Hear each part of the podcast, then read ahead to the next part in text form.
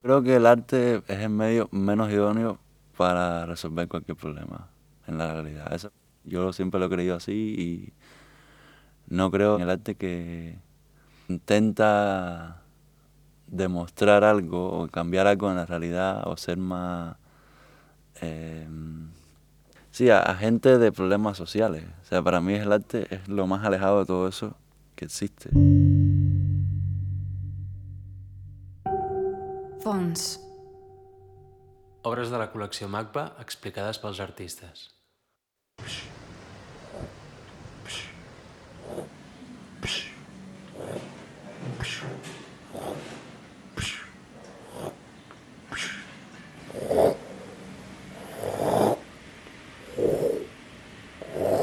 Adrián Melis. Bueno, la obra se titula Elaboración de 40 piezas rectangulares para la construcción de un piso. Y es una bueno, es un video creado fue hecho en el 2008 y básicamente ese video fue como el punto de, de partida de una, una, investigación que siguió después con, con otro, otros tipos de, de obras como instalaciones, fotografías y en este caso específico, yo lo que empecé a trabajar en, desde La Habana, que en ese momento vivía, vivía allá, empecé a trabajar con, un, con una idea que era básicamente utilizar la propia improductividad en las empresas estatales, en, en un sistema como es el, sistema cubano, que todas las empresas pertenecen al, al Estado y no, no tenemos propiedad privada. Entonces la idea mía era como, bueno, eh, hay como muchos problemas a nivel estructural, a nivel de, de, productividad. Y mi idea era como usar el arte como un mecanismo para convertir esa improductividad en algo productivo. Y, y bueno, a partir de ese, de ese principio, la primera pieza que, que construí fue esta. Y es un video que dura cinco minutos en el que yo voy a una fábrica, que es una fábrica de de materiales de construcción en la que los trabajadores van de 8 a, a 5, pero no hacen nada, se pasan el día ahí como sin hacer nada, están tomando ron, durmiendo, hablando entre ellos, y entonces yo lo que accedí al, al, al lugar a través del administrador, que, que bueno, es amigo mío, y, y, lo que pasó fue que yo les pedía al administrador y les pedía a ellos directamente que si que yo quería reactivar la producción de, la, de ese lugar porque el, ellos no podían trabajar porque el gobierno no tenía materiales para, para abastecer el, el, el, sitio, ¿no? Entonces les pedí que imitaran con la boca los sonidos de, la, de las máquinas. Y fue, fue como muy fácil para ellos y les gustó mucho la idea porque habían seis personas en ese lugar y cada persona tenía como asignado un, una máquina en la que ellos ya como que se la conocían, se conocían cómo funcionaba, lo que pasa es que llevaba unos dos años parado.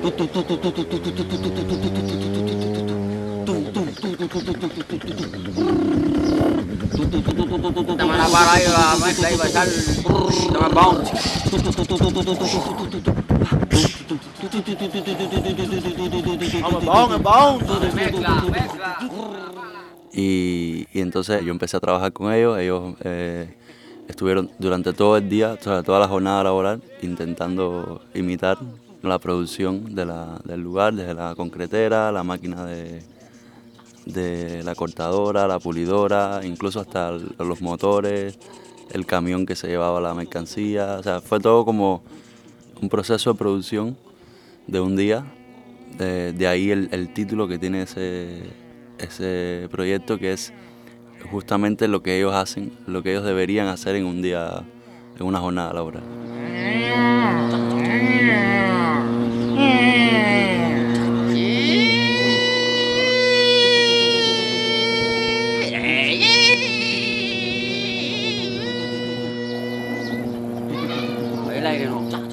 Que también ocurrió es que, el, por ejemplo, el, punto de arranque empezó cuando el administrador, o sea, siendo eh, jefe de ellos, em, fue para allá y dijo, mira, yo no los puedo poner a trabajar porque no, no me siento capaz, o sea, no, no tengo los, los, materiales. Pero el, este compañero, que es artista, los va a poner a, a trabajar y para ellos fue como bueno la, motivación principal, ¿no? Empezaron a, ahí con, la, con los sonidos todo el día. Y bueno, la idea básicamente era eso, ¿no? Como crear como una orquesta que aparentara como una, una producción en ese, en ese lugar.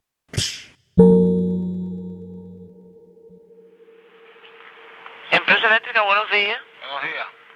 Solo se encuentra la jefa del departamento de, de economía ahí, Ángela. Espérese un minuto.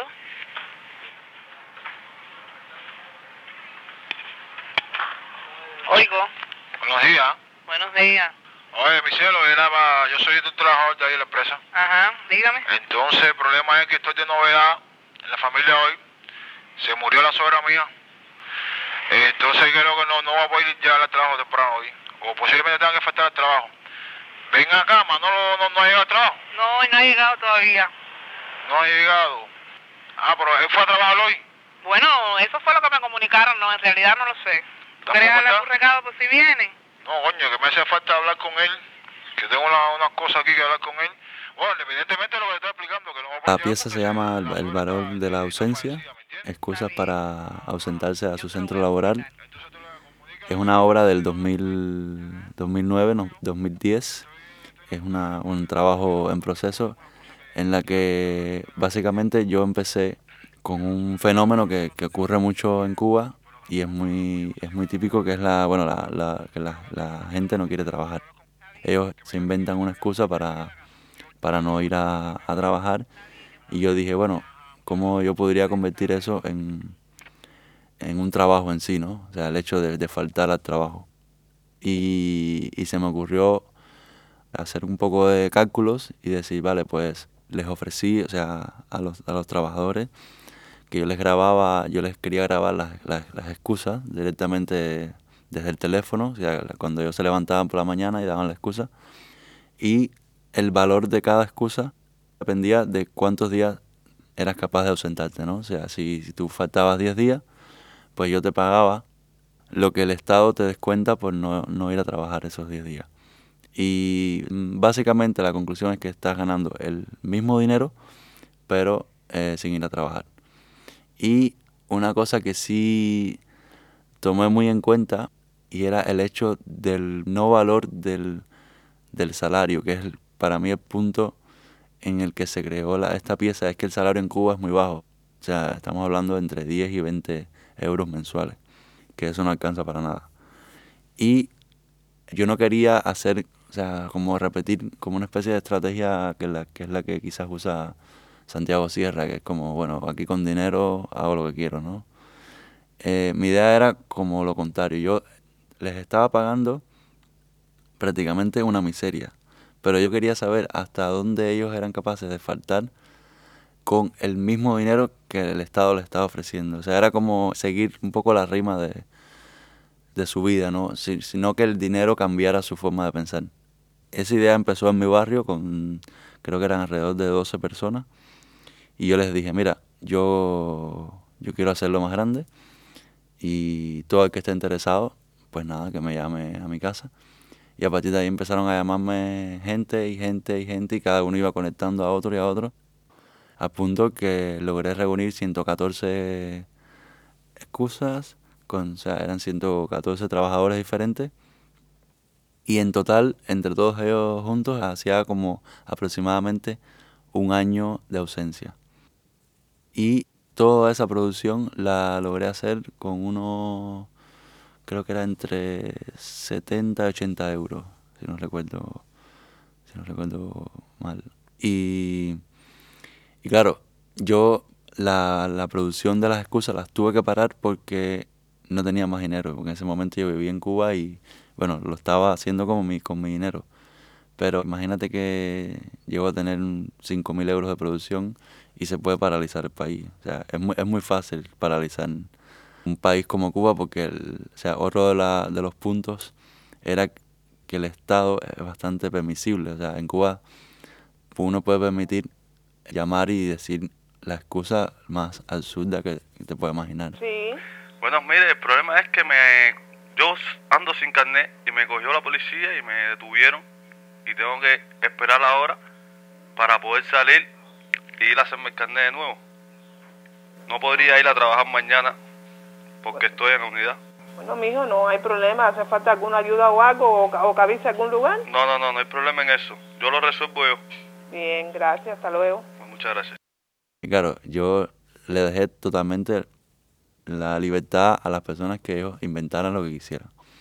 Y claro, ellos improvisaban en el momento y aquello era, sea, para mí como cubano era increíble, o sea, que, que lo improvisaran y se enredaran de tal manera, porque claro, había excusas que para faltar un día estaba media hora hablando.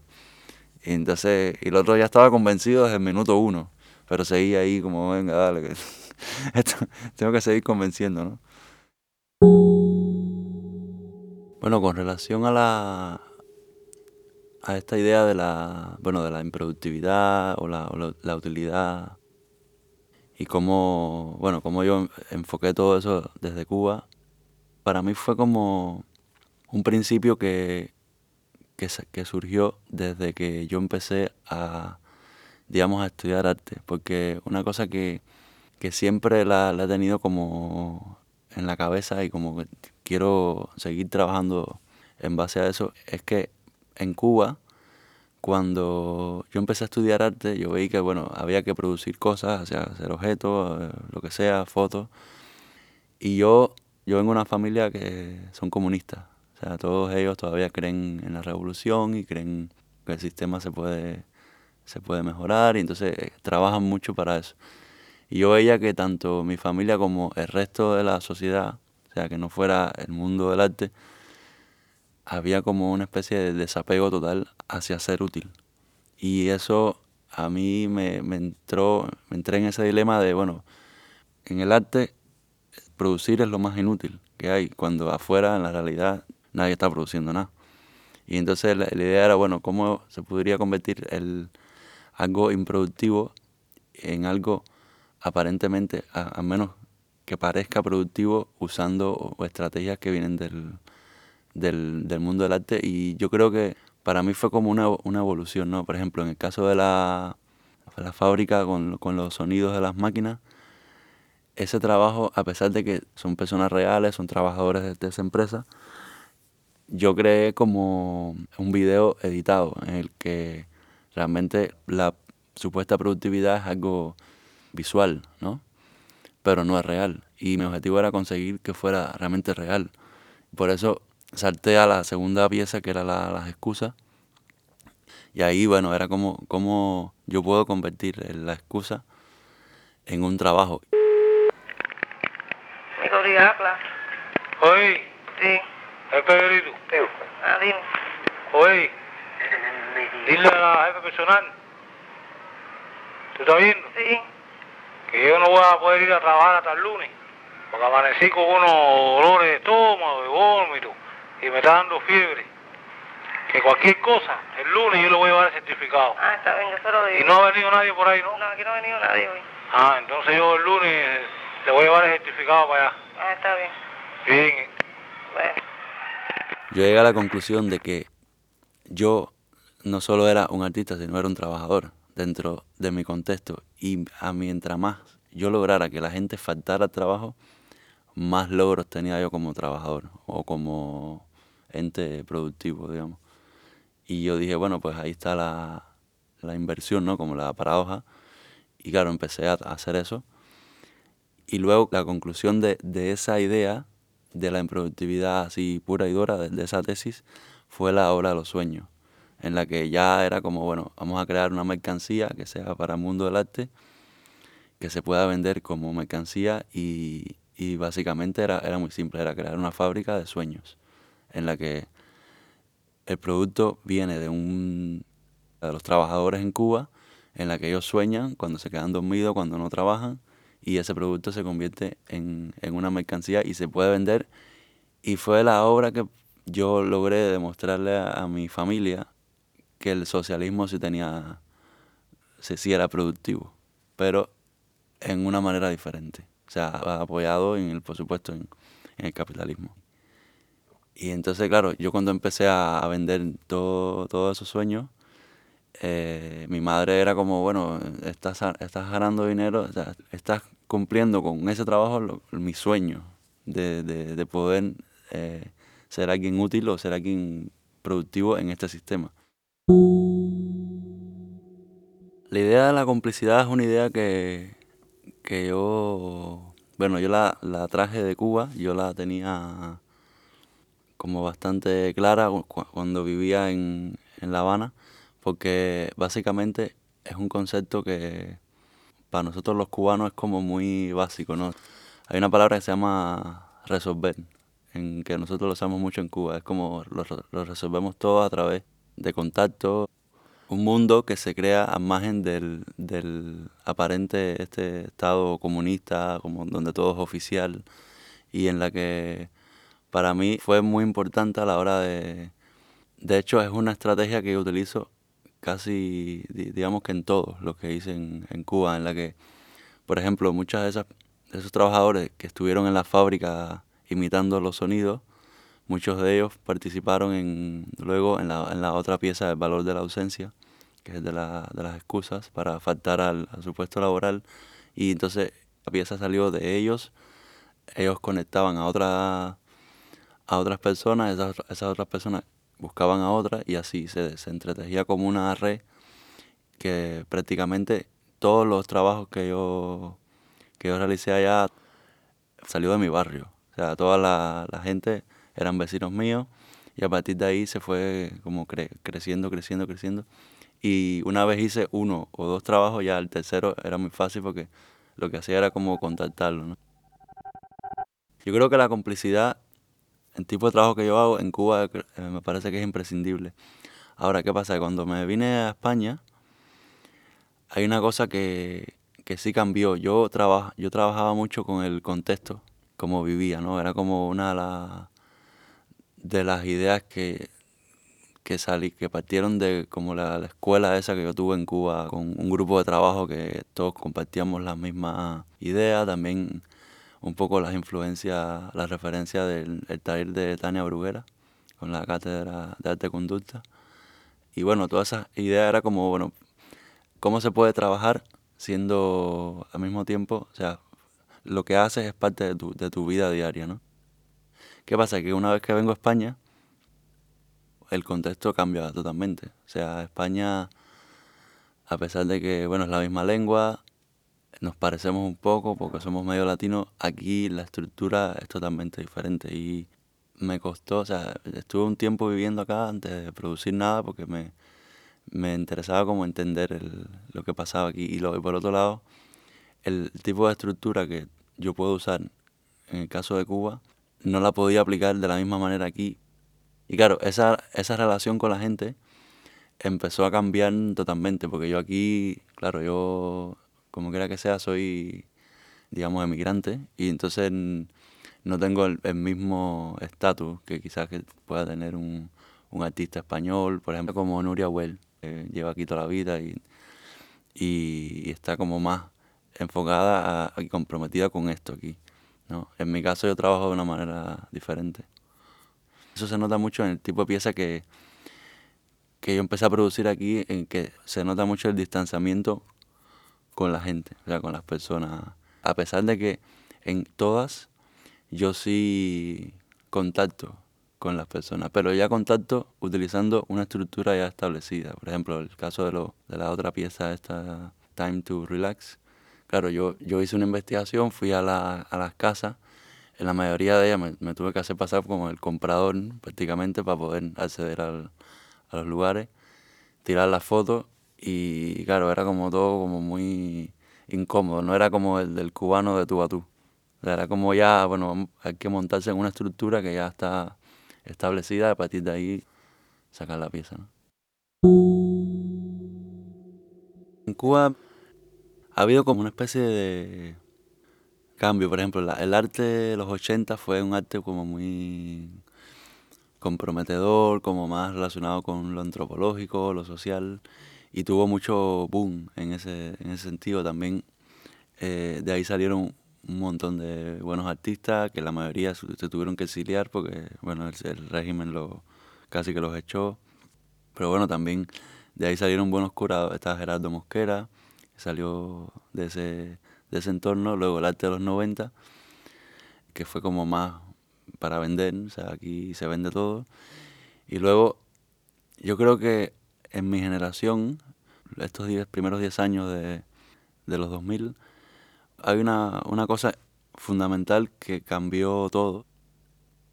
El taller de Tania. O sea, lo que hizo Tania en La Habana fue un antes y un después.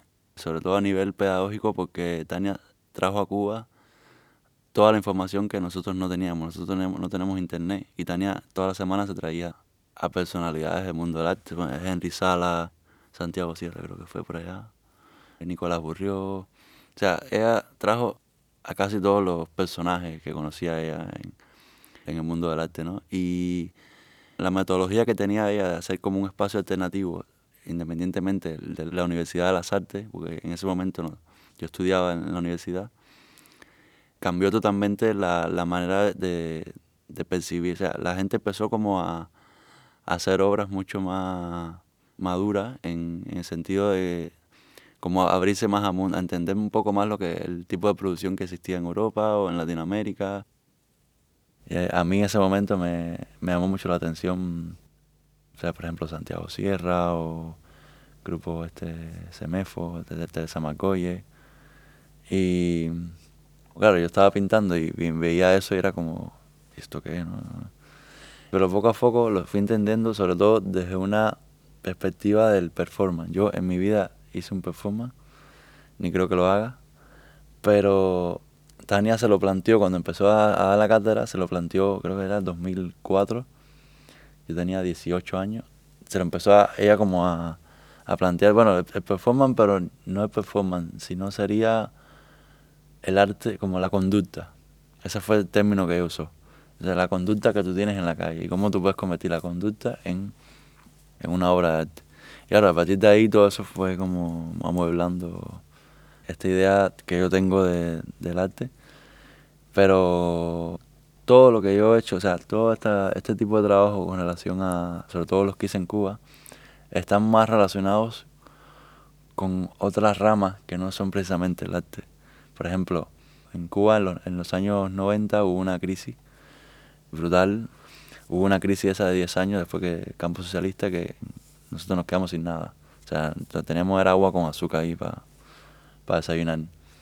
Y el cubano como que se empezó a replantear la idea, o sea, empezó a, a inventar mucho. O sea, todo era como usando el ingenio. El ingenio de... Entonces yo, era, yo fui mensajero de película de esta VHS. Cuando tenía 15 años andaba con un bolso y todo eso era ilegal. Viví con mi abuela, que mi abuela odia a muerte la revolución. Y, y claro, mi abuela es de mucho hacer negocio y de hacer como mm, artimañas así en el barrio. De hecho, ella se fue para Miami y me dejó una libreta con todos los contactos. Aquello era como la, la Wikipedia de robo. O sea, todos los contactos de cuando quieras carne, llama a fulano. Cuando quieras esto, llama a... Y claro, todo era como el mercado negro puro y duro. Y eso, al mismo tiempo, le suma que yo en la escuela, y por mis padres o por, por quien sea, a mí me daban Mars, o sea, Mars y Lenin, y nosotros cantábamos el himno todas las mañanas, y era, era como que había que estudiarse todo eso, porque el capitalismo es malo, el socialismo, entonces, to- claro, en Cuba se habla mucho de la producción, del, del sistema productivo, de... Es como que mientras más se habla, más cuenta te das que, que es lo que no hay. O sea, porque es lo que ellos intentan, como que uno se, le mete en la cabeza, ¿no? Y eso es muy como del comunismo, así. Eh, De hecho, cuando yo presenté la tesis en la universidad, que presenté muchos de estos trabajos, de las excusas, los sueños, todo eso, yo tenía mucho más antecedentes de libros o de economía o de cosas que tuvieran que ver con mi propia vida esta de la calle, de, buscarme, buscarme la vida, que poner en teórico cosas de- del arte o... O sea, me costaba más trabajo buscar gente del arte que de otros campos. Porque me era, me era muy sencillo leerme, por ejemplo, el, El hombre nuevo, el socialismo en Cuba, o sea, Che, todos los, los ensayos de Che Guevara que escribió sobre el trabajo voluntario, o sea, todo eso a mí me gustaba mucho leerlo y fue lo que creo que, que empezó ahí. En mi caso específico, lo que pasó fue que, o sea, yo tenía como en ese momento como mucha motivación, que era algo, algo, que, algo bueno del momento, ¿no? Era que había mucha motivación por cuestionarse muchas cosas, o sea, cuestionarse tu relación con la obra, cuestionarse el tema de la documentación, cómo tú documentas algo que, que es casi efímero o, que es una idea, una, algo que salió de, de la realidad, ¿no? Mucha gente entre ellas yo, y, hicimos trabajos, empezamos a, producir cosas, pero sin tener en cuenta y sin pensar en lo absoluto dónde iba todo eso. Yo cuando hice el trabajo de la, de la excusa, los sueños, yo estuve seis meses recolectando sueños y, yo no sabía qué hacer con todo eso.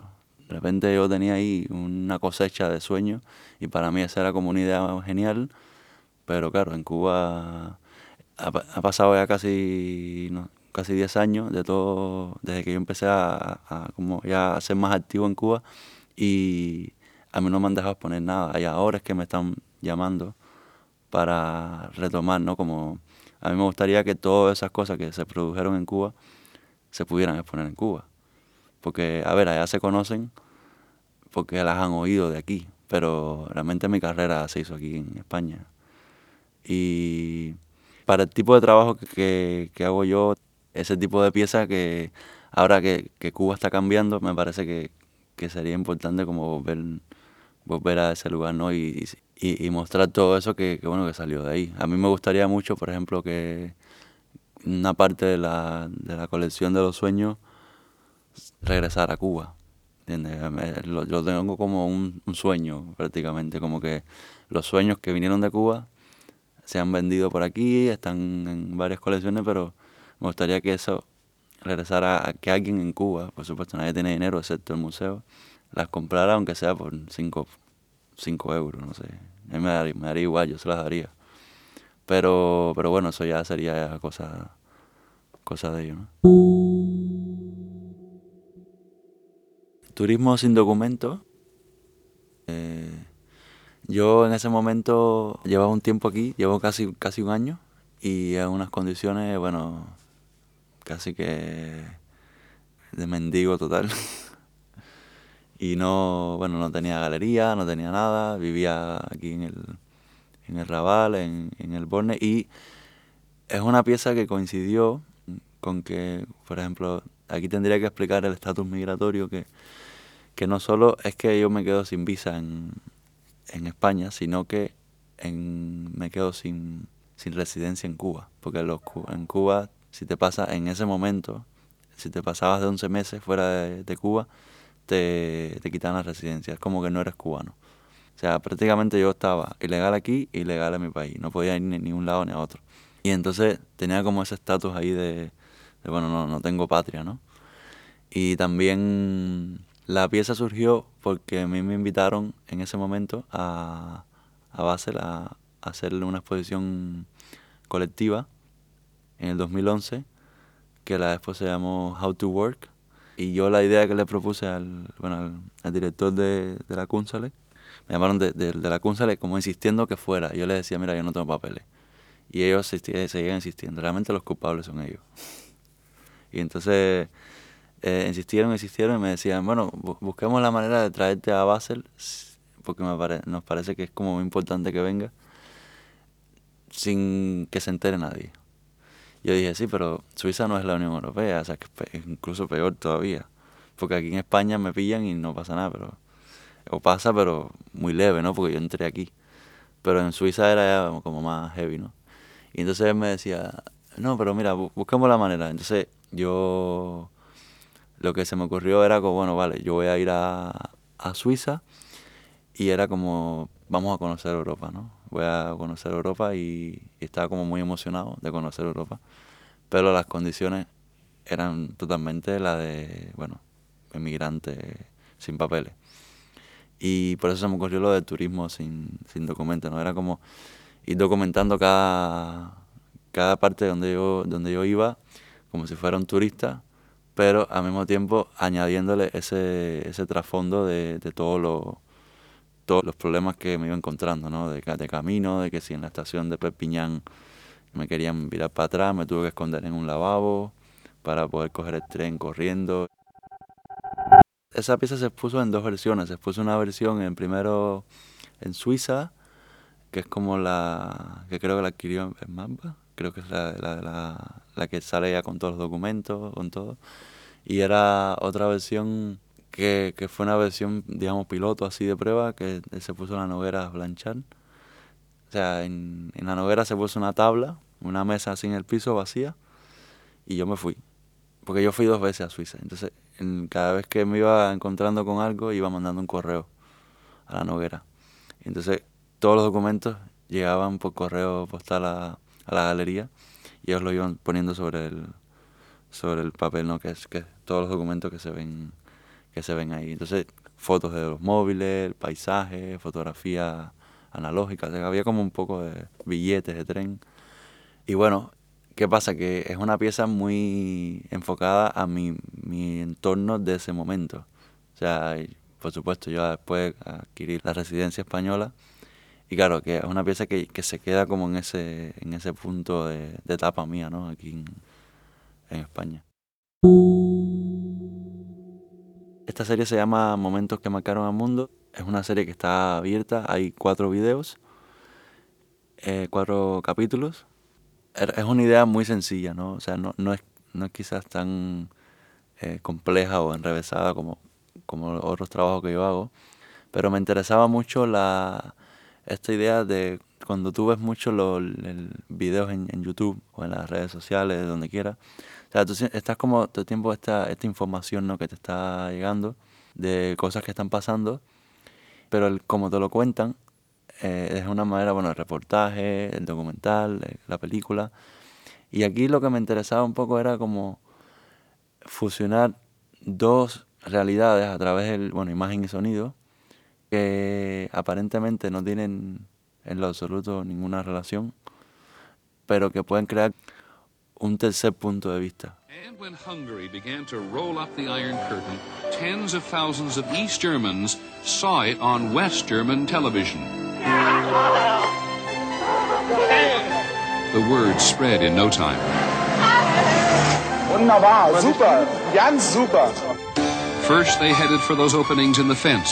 Empecé por el momento uno, que era Habana-Berlín. El material era puramente el material que yo encontraba en internet.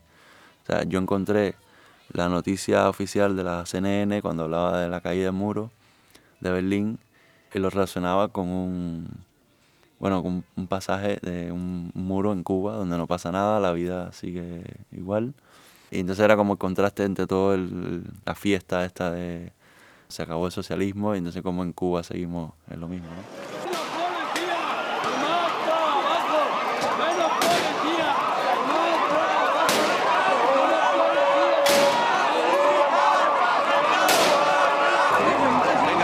No, no, no, no. Los policías tienen que salir de la manifestación, pero no puedes salir. Salen ahora mismo de la manifestación todos.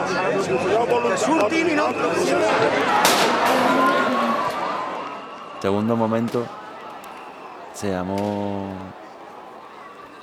Primavera Sound y ese fue el más conflictivo, sobre, todo aquí en España, porque ahí podríamos ver a la, la obra que, que está en un punto multifacético, que no tiene que no tiene un punto de vista claro, ¿no? Como que simplemente se presenta una realidad tal cual y es, y entonces el espectador ve como varios ángulos, ¿no?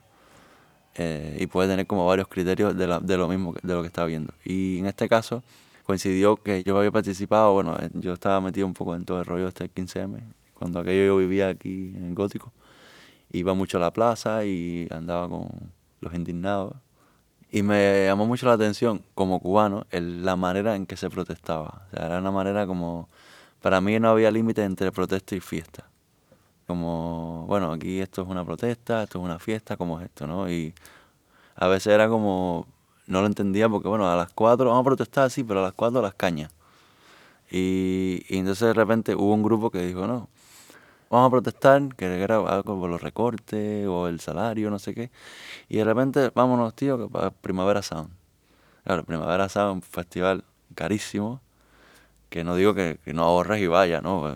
Yo estuve ahí, pero claro, de repente era como un contraste brutal entre la peña de Primavera Sound y la peña de, de la de Plaza Cataluña. Entonces, muchos de ellos yo los seguí, yo, bueno, vamos para Primavera Sound con ellos.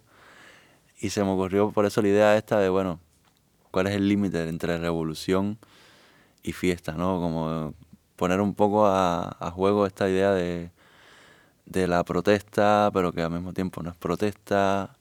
Y se me ocurrió fusionar la, la, o sea, las imágenes del, del público del Primavera Sound que estaba divirtiéndose con las protestas, ¿no? Las grabé yo, las saqué de internet. Y ese trabajo dio mucho que hablar aquí, sobre todo cuando se puso en ADN porque era parte de la respuesta Time to Relax y me vino un grupo ahí a liarla. Yo no sabía qué decir ya porque venía mucha peña venía que, que, le gustaba el trabajo y muchas otras venían como que con lo contrario, ¿no? Como que eh, ¿quién eres tú para hablar de nosotros? Si tú no conoces esto aquí, tú no eres español, bueno, eh, ahí hubo de todo realmente. O sea, me gustó que, que, hubiera esa relación porque estaba creando como ese conflicto, ¿no? Como al final, bueno, dímelo tú, ¿no? Como yo simplemente estoy poniendo una imagen y un sonido que no tiene relación, pero puede que sí. Dímelo tú. Y eso creó como esa, ese conflicto y eso sí me interesaba que pasara.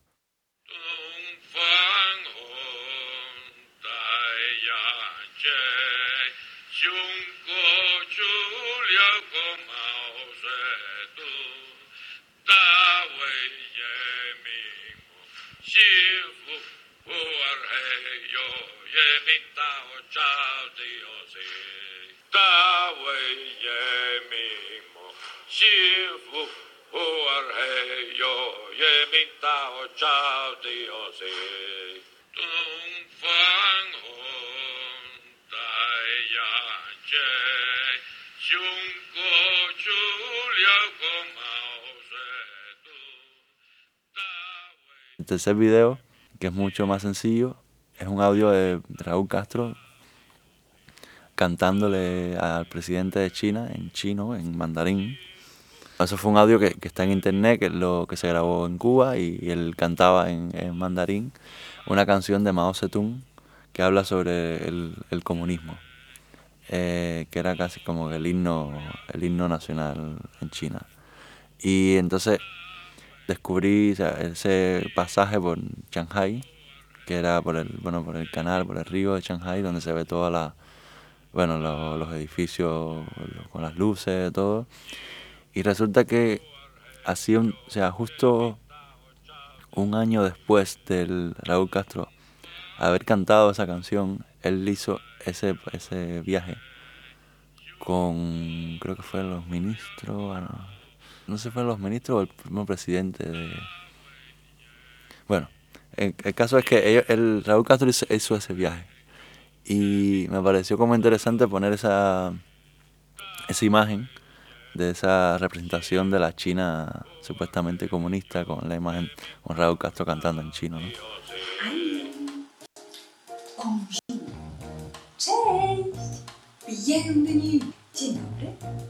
Hello! Willkommen zu meinem ellenlangen Bericht. So einen langen Bericht über meine Urlaubsreise. Vielleicht interessiert es ja einen. Kommt mit mir auf eine. El cuarto capítulo. Se llama Never Ending Story. Y la esto surgió a partir de un, un viaje que hice bueno, a Grecia. En, y también era como ya había pasado todo lo del referéndum, todo la, el tema de bueno, la, la crisis.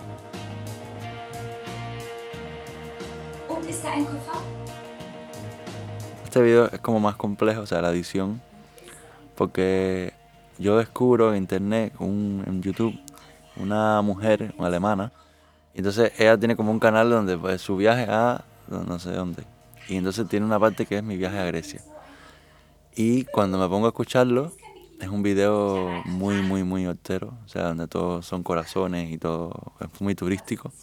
Y ella hablando en alemán, la mitad del video, son 30 minutos de video, es ella muy molesta porque perdió su equipaje en, en. O sea, cuando iba a Grecia perdió el equipaje en Düsseldorf. Entonces se pasa todo el video hablando de que, que si no tiene pasta de dientes, que si la crema en la que ella tenía costaba 3 euros, la que compró en Grecia costaba 6, y cómo es posible, que si el vestido que tenía le, gustaba, que si un bikini. Eh, bueno, lo más banal que te puedas imaginar de, de lo que, de lo que ella perdió, ¿no? Entonces yo lo que hice fue grabar algunas imágenes de protestas en Grecia y, y las otras las cogí de internet, en la que yo lo que intentaba era explicar el viaje de esa mujer a través de todos los conflictos que hay en Grecia. Sea, desde... Pero intentaba como relacionarlos unos con otros, ¿no? Como por ejemplo ella eh, se perdió, estuvo dos horas en el aeropuerto, entonces lo que tú veías en imagen era los griegos ahí haciendo la cola para como para protestando, incluso con diciendo, no, tres horas llego aquí en, la- en el cajero.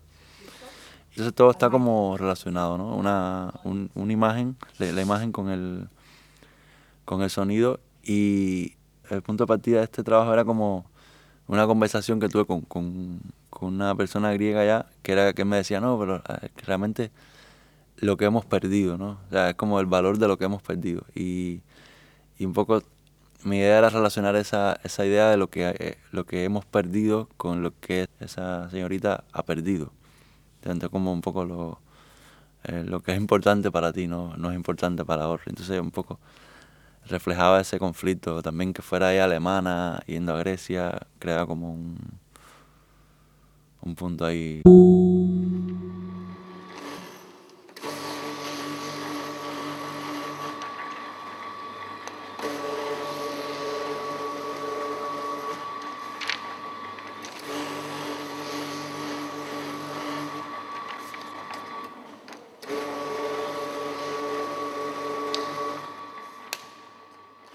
Proyecto se llama Línea, Línea de Producción por Excedente y es, un- es una obra del 2014 y consiste en que yo, bueno, en ese momento yo estaba pasando la residencia en, Ámsterdam, la Rice Academy, y entonces yo tenía un estudio, o sea, acaba, recién empezaba, y tenía un estudio en el que yo, mi intención era, bueno, esto que hago yo con un estudio, nunca tenido un estudio, lo convertí en una oficina.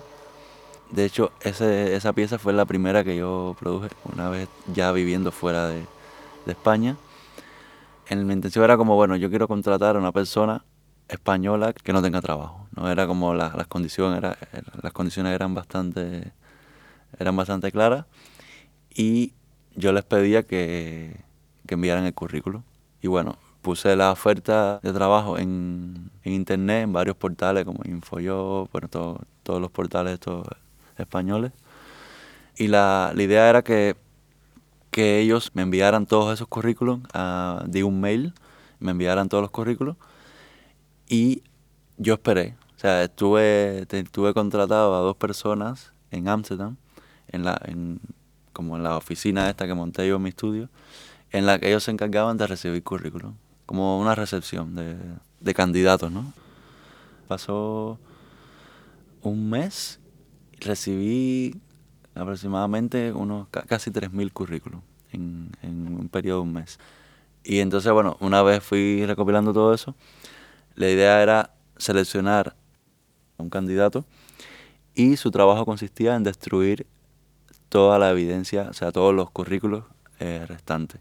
O sea, básicamente la estructura de la pieza estaba basada en como en esta idea de crear un trabajo a partir del, del no trabajo, ¿no? Como que, o sea, se utiliz- utilizar el propio desempleo para darle trabajo a alguien, aunque sea a una persona. Y, y por otro lado, la otra idea era como cómo utilizar una obra de arte para darle trabajo a alguien. Que la propia obra empleara a una, una persona. Eh, yo vine a, Ba- a Barcelona, hice cinco entrevistas a cinco personas diferentes. dos de ellas desde el principio que les conté la idea se fueron. Las otras tres se, se sentaron a escuchar todo. Dos estuvieron muy interesadas. Y bueno, al final me decidí quedarme con una, una mujer de, de unos 41 años de edad, creo. Que bueno, que no trabaja, llevaba mucho tiempo sin, sin estar empleada porque, bueno, buscaba trabajo de lo suyo y no podía, entonces estaba como en paro, se quedó sin, sin el paro y prácticamente estaba como casi que mantenida por la familia, ¿no? Cuando hice la entrevista la vi como muy sincera, ¿no? Con lo que estaba diciendo y entonces, bueno, le di el trabajo y puse como condición a la, bueno, la galería que si, si ese trabajo se, porque creo que hay una prueba de artista, o sea, si se vuelve a repetir, habría que emplearla de nuevo. O hacer toda la obra de nuevo, de volver a, a seleccionar a una persona y pagarle de nuevo eh, para volver a reproducir. No, no, no yo romper los currículos, sino que esa persona volviera a tener la oportunidad. ¿no? Y bueno, eso se, se firmó en, en San Cugat, en el ADN Platform, y estuvo ella ahí, creo que fueron, creo que unos, una semana, algo así. Estuvo, bueno, trabajando, yendo todos los días ahí, trabajando, y se le pagó mil euros por el trabajo.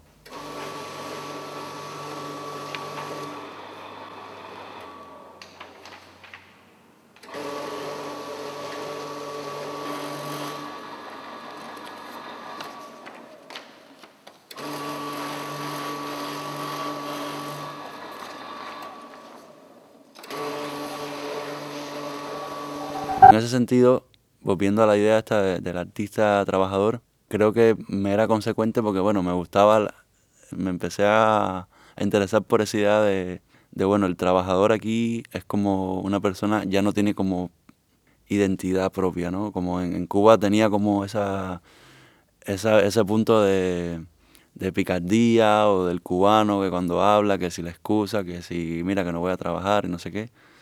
Y aquí ya es como, bueno, esto es puro sistema. Un poco el proceso de selección fue tomando en cuenta los problemas reales que existían aquí, que era el tema, por ejemplo, de la edad, de que cuando llegas a los 40 no te cogen ni Dios, solo escogen a la gente más joven. Y, y bueno, el contraste entre la experiencia laboral y, y lo que has estudiado, que hay gente con dos carreras, no sé cuántos másteres, y la experiencia laboral cajera de un banco. Y entonces todo eso como que me, me interesaba como mantenerme en ese, en ese punto, ¿no? De, de, de negociante.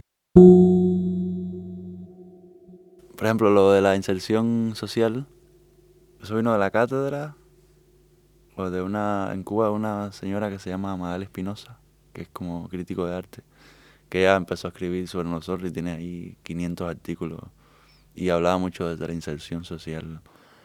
En mi caso en específico surgió de una, una expo que se llamó Bueno, Bonito y Barato, que fue premio de la Agen- Agencia Española de Cooperación esta Internacional, fue en el 2004-2005, en la que, bueno, éramos un grupo de, todavía no estamos ni en la universidad, yo creo que tenía 19 años, y la, la idea era como crear un proyecto en el que tú usaras tu propia vida para hacer una obra de arte. O sea, no, pero no forzar nada, simplemente tu realidad cotidiana, pura y dura de toda la vida. Y entonces fue en ese momento donde a mí se me ocurrió un trabajo que, que después en Cuba se expuso mucho. O sea, de hecho, en Cuba la mayoría de la gente me conoce por, por ese trabajo que se llamó Vigilia. Vigilia, bueno, lo explico rápido, es un... Yo estuve durante tres meses eh, robando madera de una carpintería estatal y esa... Y bueno, con toda la madera que me robé, eh, construí una posta de vigilancia que la, la puse en la misma carpintería donde me había robado la, la, madera, ¿no? Y actualmente esa, esa posta de vigilancia existe y está ahí. El objetivo era ayudar al guardia de seguridad que tuviera mejores condiciones para vigilar. Y la única manera de hacerlo era robándose la madera. Y entonces, un poco ese fue como mi punto de partida de, de todo este tipo de, de arte. En ese momento se le llamó inserción social porque pero me parece que es un término erróneo, porque yo no me estaba insertando en ningún lado. Yo estaba ahí. O sea, el, el problema fue en diferenciar, o sea, en ese momento, ahora yo tengo otro punto de vista sobre eso, pero en ese momento lo que se defendía mucho era no, o sea, no el estatus artista insertado en, en una realidad X, ¿no? Eh, este tipo de obra que los artistas van al Congo y montan un chiringuito, se forman, hacen todo lo que vayan a hacer, aparentan que hace- están colaborando, tiran cuatro fotos, se las llevan, las venden y nadie le importa lo que pasó en el Congo. Que para mí eso hay mucho. Entonces, eh, claro, eso es un artista insertado en, la- lo social, pero creo que para nosotros era como muy importante sacar la obra de nuestra propia vida, o sea, directamente de yo iba a robar madera, yo digo, bueno, vale, yo lo que hago todos los días aquí es robar madera, porque él estaba construyendo en ese momento como una casa a mi abuela atrás, en el patio, y que es- esa era mi realidad, y decir, bueno, a partir de ahí salió todo. Y yo creo que sean, con relación a eso del- de lo social, eh, como que se ha, para mí, tergiversado mucho. de- se ha- se ha- 18.000, eh, creo yo, términos, ¿no? Ya para mí, siempre que me hablan, me aparece un, un término nuevo. Y claro, yo no sabría decirte qué hago yo, porque, porque si una vez lo clasifica, ya deja de ser, ya se, se encierra en una caja, ¿no? Igual que lo del arte, arte político, claro. En- hay muchos tipos de arte político. A mí me han dicho que yo hago arte político, yo no, yo no considero... O sea, yo, una cosa es hacer, hablar sobre lo político y otra cosa es ser políticamente activo en, en el arte, ¿no? O artísticamente político, no sé, eso puede haber mucha confusión, no sé. Creo que el arte es el medio menos idóneo para resolver cualquier problema en la realidad. Eso, yo siempre lo he creído así y no creo en el arte que intenta demostrar algo o cambiar algo en la realidad o ser más eh, sí a- de problemas sociales. O sea para mí el arte es lo más alejado de todo eso que existe. Aunque la gente históricamente lo hayan intentado acercar desde 18.000 ángulos. Yo creo que existen muchos tipos de mecanismos más efectivos para resolver problemas sociales y políticos que el arte. Lo que pasa es que también, por ejemplo, hay, hay un gran abanico en el que cuando tú, aunque hagas arte político, hay un producto, hay una mercancía. Y a mí, es como poner una persona aquí y decir sentada, poner una, una cinta y poner un cartel atrás que dice, este artista eh, comprometido con la realidad, protestando por los derechos de no sé qué.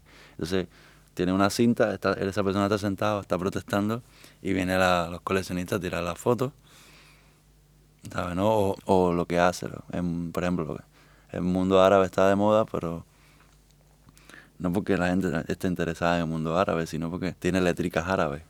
Sea, a ver, lo estoy banalizando un poco para que me entiendan, pero realmente cuando uno va a cierto tipo de contexto se da cuenta que o sea, hay, hay un nivel de banalización brutal con relación a desde lo que el artista hace hacia lo que se ve y después lo que se queda.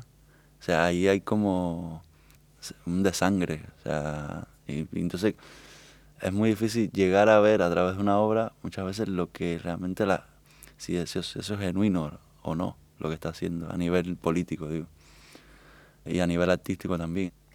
Y claro últimamente es como muy difícil de, encontrar eso no como esa parte genuina.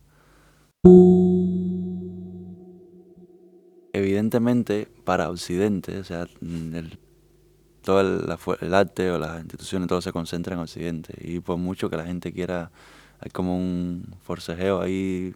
Bueno Latinoamérica están pasando cosas interesantes no pero bueno Occidente es como como la carrera no tú vas a triunfar a Occidente. Y, y si eres exótico más rápido triunfas es como una fórmula. Pero por otro lado yo creo que más allá de eso de, de esa, digamos, banalización de, de- de ese conflicto. Yo creo que hay una especie de... o quizás puede ser un poco inocente, ¿no? Pero el, el el hecho a mí personal de, de poder transmitir cosas que pasan en mi país de la manera que lo hago o de una manera diferente, eh, o de poder recolectar eh, situaciones que yo sé que en un futuro van a desaparecer o van a quedar como archivadas en esos trabajos, a mí me parece como importantes, ¿no? Como son el reflejo de un, de un momento, de una época. Una pregunta, por ejemplo, que a mí me- siempre me, han- me preguntan en Cuba, y dice, bueno, ¿y por qué tú entonces, por qué tú llevas, por qué tú vienes aquí a trabajar y te vas por Europa a, a pon- a poner tu trabajo allá? Y dice, bueno, a ver, yo mi carrera la hice en España porque no me la dejaron hacer aquí. Y a nadie se la van a dejar hacer aquí en Cuba. ¿Entiendes? Las instituciones cubanas son pertenecen al gobierno. Ellos esperan que uno vaya afuera, sea famoso, y luego te llaman de nuevo. Ah, mira, este artista cubano está en la González de no sé qué. Y yo intenté producir cosas desde Cuba y no me dejaron, me fui, eh, hice cosas aquí, pero yo como cubano creo que tengo todo el derecho del mundo de ir a Cuba, porque es mi país, hablar sobre mi país y mostrarlo en, en otras partes.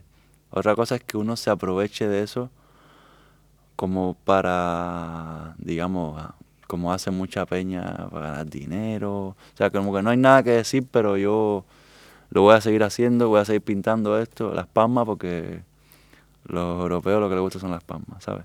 Hay como una, una sutileza ahí que diferencia mucho del, o sea, de, de lo que uno hace, ¿no? Y claro, eh, por un lado, yo me pregunto, bueno, ¿para qué sirve el arte? Si el arte es elitista, si lo, que, lo único que sirve es para crear un, mercado de, valores en la que se especula y al mismo tiempo se gana mucha pasta. Uno puede vivir de eso perfectamente. Yo ahora mismo tuviera mucho dinero si yo dejo de hacer este tipo de trabajo y me pongo a hacer un tipo de trabajo. Yo pudiera tener 10 ideas en mi cabeza que me den mucho dinero, pero yo prefiero tener una que no me dé tanto, pero que yo crea que, que es esa la que es, a estar produciendo ahí como masivamente, ¿no? Yo estuve aquí viviendo tres años. Me fui a Holanda, dos años por la residencia. Y una cosa que me pasó en Holanda es que en Holanda a mí me dieron, me dieron un estudio, me dieron casa, me dieron todo. Y lo que me pasó era que me costaba mucho producir porque de repente era como la comodidad era mucha y también un contexto como el holandés en, lo- en el que prácticamente no pasa nada o pasó hace tiempo pero ahora mismo está como en plan light o sea eso chocó mucho con, el nivel de producción mío a la, a la hora de para mí es como que el contexto me llega ¿no? muchas veces yo he tenido que cambiar mi estrategia para adaptarme a cosas que han pasado aquí en España, pero yo vivía la realidad de España. Yo estuve aquí, estuve en la calle, iba a recoger sobras a la boquería. ya, Yo, yo viví muchas etapas aquí en, en Barcelona y sí que logré entender un poco más la, la situación, ¿no? Pero claro, de eso a un estudio en Ámsterdam, con todos los materiales, con una casa en la que no tenía que preocuparme por el, dinero, porque me lo pagaban todo. Claro, eso a nivel creativo no, no me ayuda. La raíz fue para mí mi primera residencia y creo que será la última. Porque el modo de trabajar mío no tiene nada que ver con una residencia. O sea, no es ir a, a no sé dónde, ponerte a, a, vale, ¿qué hay aquí? Pues mira, aquí hay focas y qué sé yo, y osos polares. Vale, pues voy a hacer una obra con las focas y los osos polares. No, yo no trabajo así. El contexto me tiene que entrar a mí.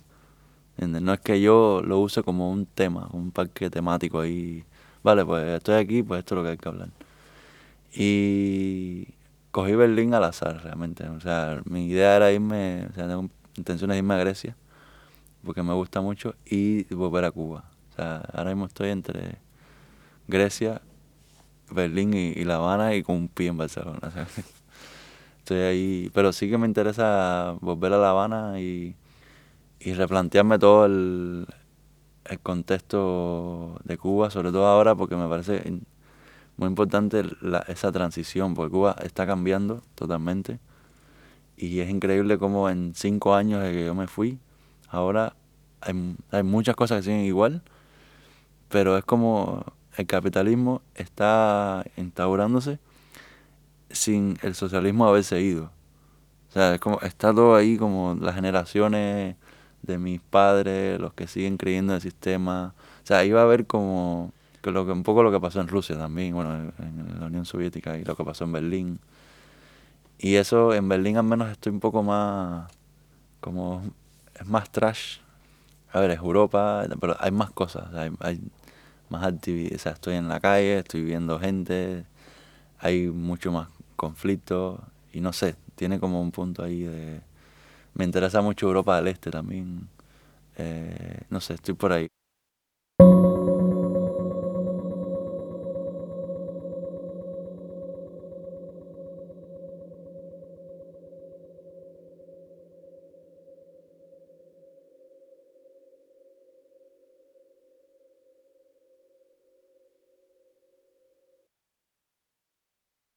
Hay algo en,